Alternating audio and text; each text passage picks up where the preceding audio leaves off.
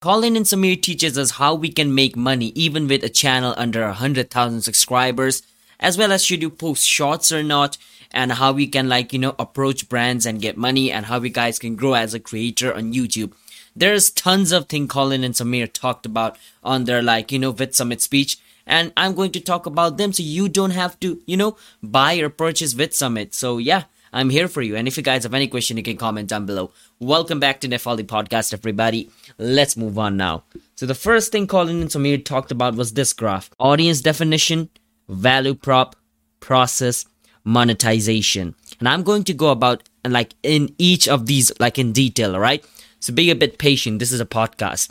So plug in your headphones, and then start listening to me. And yeah, you can take notes as well because I did, and it's really important. I'm saying it to you guys. And there's tons of like, you know, time codes given in like the bottom. You can see which part you want to go to so you guys can go there. But I would suggest you to watch the entire show. Right, so the first thing Colin and Samir talked about was you should know your audience and communicate with them like a discord or reddit so if you don't know colin and samir has uh you know subreddit as well as discord i'm in both of them in discord and in subreddit as well and over there, like, you know, what they do is in Samir and Colin's case, they have a Reddit where their fans can put in their opinion and the good opinion gets upvoted. So if you guys want to communicate with your fans, like you might think, oh, I have the comment section, I can like see that, but it doesn't work. Because according to Colin and Samir, like in a comment section, you make a video, they talk about that video, you make another, you know, video, and on that comment section, they talk about that video. So from video to video, like it keeps on jumping the topic. But if you guys have a community or like a place where you guys can chat, like our Discord or like their subreddit, in their subreddit, if I want to ask Colin and Samir something, I can type it down. And if there's tons of other, you know, Colin and Samir fans which also wants to, you know, ask the same question which I wanted to ask, they could simply upvote it and it would be on the top and Colin and Samir from time to time check it out and they're going to answer me on their like you know daily or like weekly newsletter or something like that all right so yeah, that's what they were trying to say. Like you should communicate with your audience. You should build a platform which allows your community to like, you know, talk with each other. Because if I'm a Colin and Samir fan, I would love to talk with other people who are Colin and Samir fans as well, right? So that's why I'm on their Discord and stuff like that. And the other thing they said was have a value prop. Why people come back to watch your video? For them, it's the education for creator. So like you should have a value prop. So what value is your video providing? Is it entertainment? For Colin and Samir, it's education. And because they talk about creator education or they want to educate creators, like people time and again and again come to the channel so they can get educated on the creators news or what's up to date on the creator world or something like that so what's the value prop or what's the value that your you know channel is providing to your audience you got to find that out as well and creating a space for your audience to communicate to you what's value to them. So as i said if you create a discord or if you create yourself a reddit or anything all right? The like the discord and reddit are just the thing which i know but you can like you know create anything else if you have something on your mind. Just create a platform which allows your you know viewers or your fans to communicate with each other and like you know communicate with you as well. Because if there's something wrong with your video and you do not know it and your fans know they can like just comment it or like they can just write it. Like let's say for example in the reddit they write something it gets upvoted you can see it now you can improve on it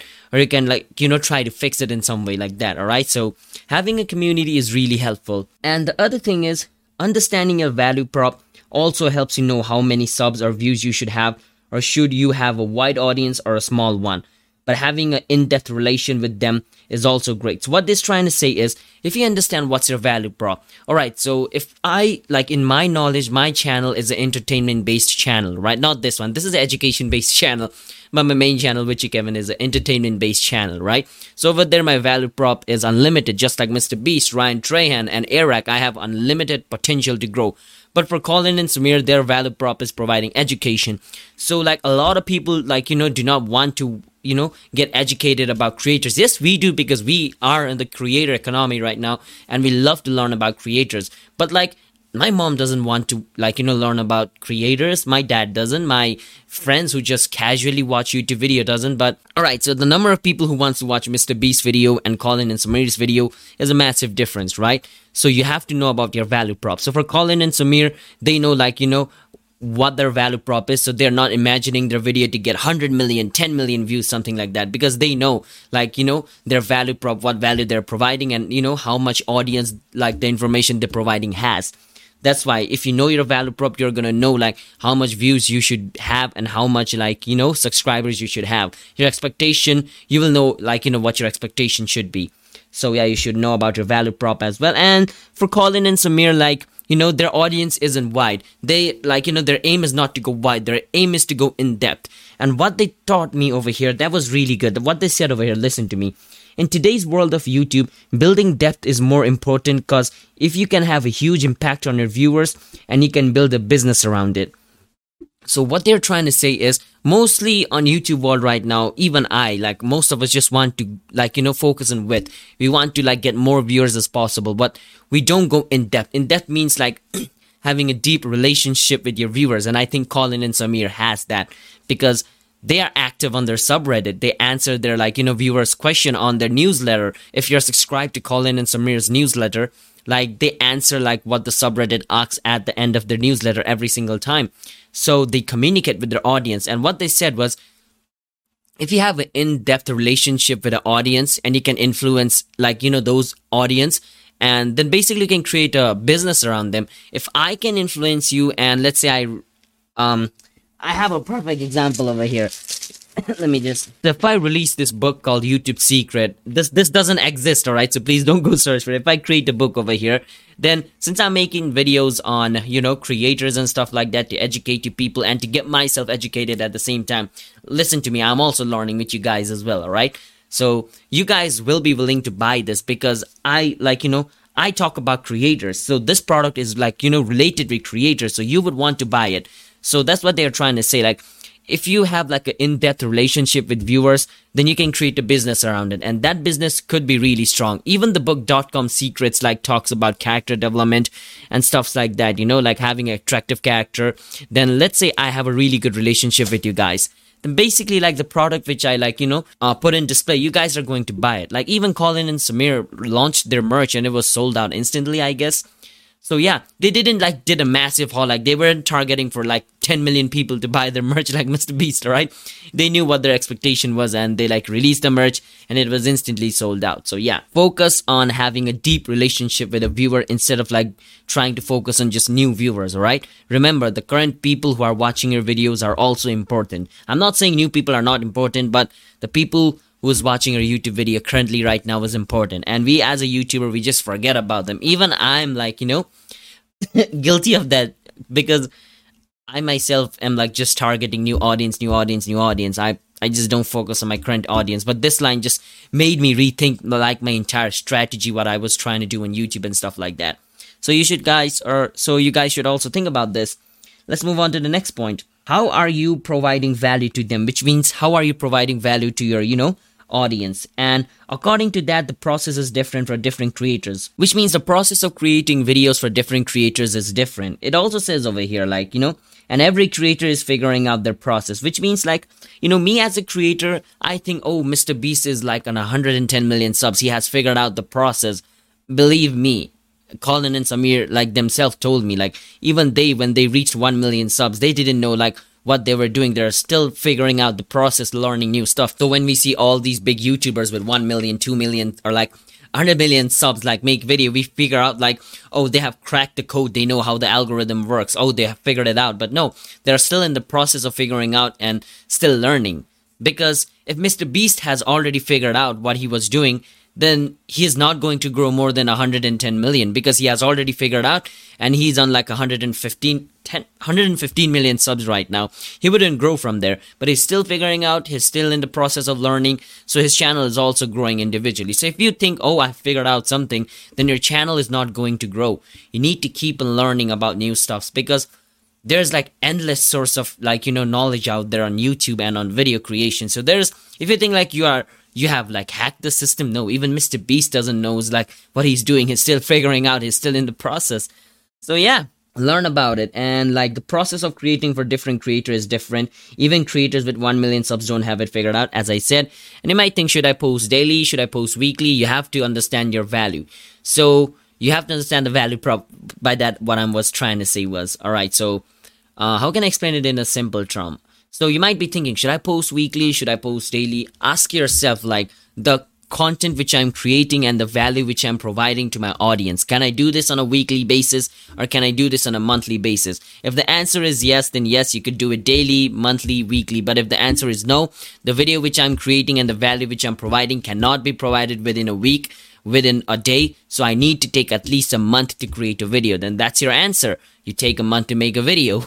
So you have to ask yourself, like the value you're providing, can you provide the same value to your audience if you do it within a compact time? Now, the next thing is, so opportunity for, so opportunity for Samir and Colin come early because they understood who their audience was and what their value prop was. And they were able to speak to the brand and they had an advantage as well. So what this was trying to say was Colin and Samir had like you know a quick opportunity to work with brands it took them 10 years to build their channel but what they were saying was once their channel started getting traction it was easier for them to get opportunity to work with brands because they know these two things audience and value prop. So what's the advantage of having this is now you know who your audience is and now you know what kind of value you're providing so let's say I know what my audience is. So right now my audience is creators who are creating video for this channel, for my main channel. I still don't know, but for this channel, let's say I make uh, creator based videos about VidSummit and stuff. So I know people who are interested in becoming YouTubers. Those are my audience and value prop, which means the value I'm providing is like the speech that they told me in VidSummit. I'm providing you that. So the value for me is providing how the creator world works and how like, you know, each individual creates their video on this creator world like Mr. Beast, Colin and Samir. So Know my audience and my value prop. Now what I can do is I can search for companies or like if a company like, you know, or let's say I want to work with a brand, then I can tell them, hey, my audience is this kind of audience. My audience is interested in a creator creator economy and the value which I provide is also related with the creator economy. So if you want to like, you know, work with me or if you want to promote your stuff to like, you know, people who are interested in the creator world or in the YouTube world, I can promote it to you because my viewers are interested in those topic. So I could just like dive deep into my niche and like, you know, go into the brand. If you're working on like a camera equipment and stuff and your audience, like, you know, let's say this channel was, uh, for an example, this channel was related uh, with, uh, camera channel, alright? So I talked about camera gear and stuff. I could just go to Sony and tell, hey, my audience loves camera and like, you know, I make camera videos as well. So if there's any product you want to like, you know, display or like, you know, may want me to present to my viewers, you can send it to me. I can show it to them. I can charge you this much because this, these are my viewers. These are my value props. So you have a lot of advantage if you know who your audience and what kind of value you're providing because as I said, if you're working in camera, you can go towards camera company. For Mike, you can go towards my company. For me, I can go towards the creator world company. Whoever like is working under the creator economy, I can go and like, you know, ask for their sponsor or like they can come and when they come to me, like to sponsor my video, I can like pitch them, hey, these are my viewers and these are my numbers and these are the people who watch my videos. So I'm going to charge you this much. Because Colin and Samir told me even brands don't know like you know how much to charge you. They're still in the process of thinking. And they also told like even brands don't know how to work with creators. And they are still in the process and you guys are also in the process. So if you know these two you're in the advantage as well. So try to understand your audience and definition. Bro i'm about to finish this topic. I'm already in the q&a section but before that let me read this again.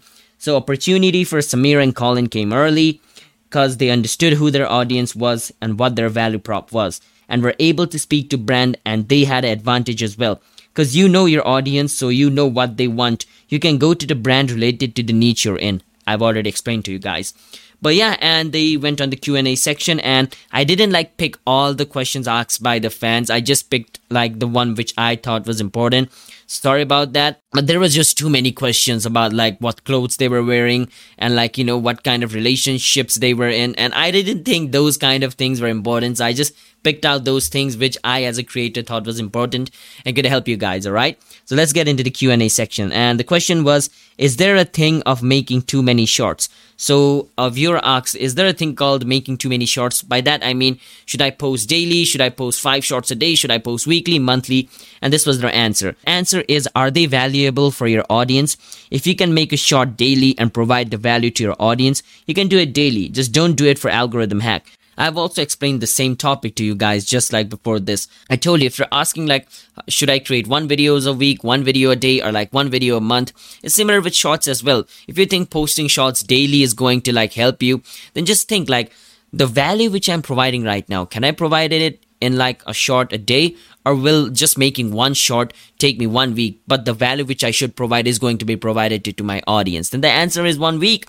And if it says okay i can make it in one day then the answer is one day. Just don't make shorts. Don't post five or six shorts a day just so for algorithm hack and just to gain subscribers. It's for can you provide value to your audience? And they also talked about as a creator don't be afraid to experiment and try new things. Don't be scared for a 10 out of 10 which means as a creator we are pretty much scared for like the 10 out of 10 for those people who do not know what the 10 out of 10 is so whenever you post a video youtube compares it with your last 10 videos you posted.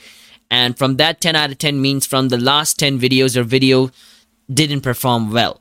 And if it is 1 out of 10 that means out of the 10 videos you have posted this video is the best. So if you get a 10 out of 10 that means the video is really bad. So we are really scared of that. I kind of don't focus on that I never did focus on that to be honest for the 10 out of 10 and stuff like that.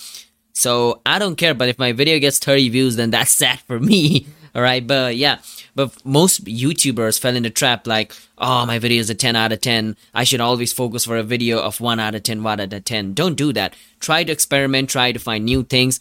As a creator, we shouldn't be afraid of trying new things. That's why we are creator. If we just stuck on one thing, creating one thing over and over, and over and over again, are we even creators?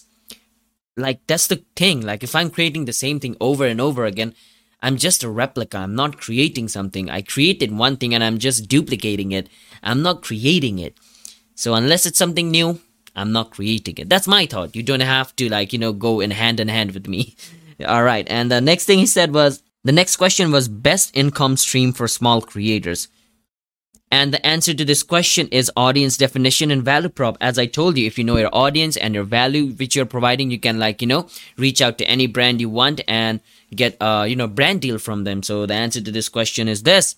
And the next question was how to work with large creators or find problems so you can solve it. So whenever like, you know, we ask for the YouTubers like, hey, how can I work with Mr. Beast? How can we do this? And the answer is what are like you know what kind of service can we provide or what kind of service we provide will help them fix their problem.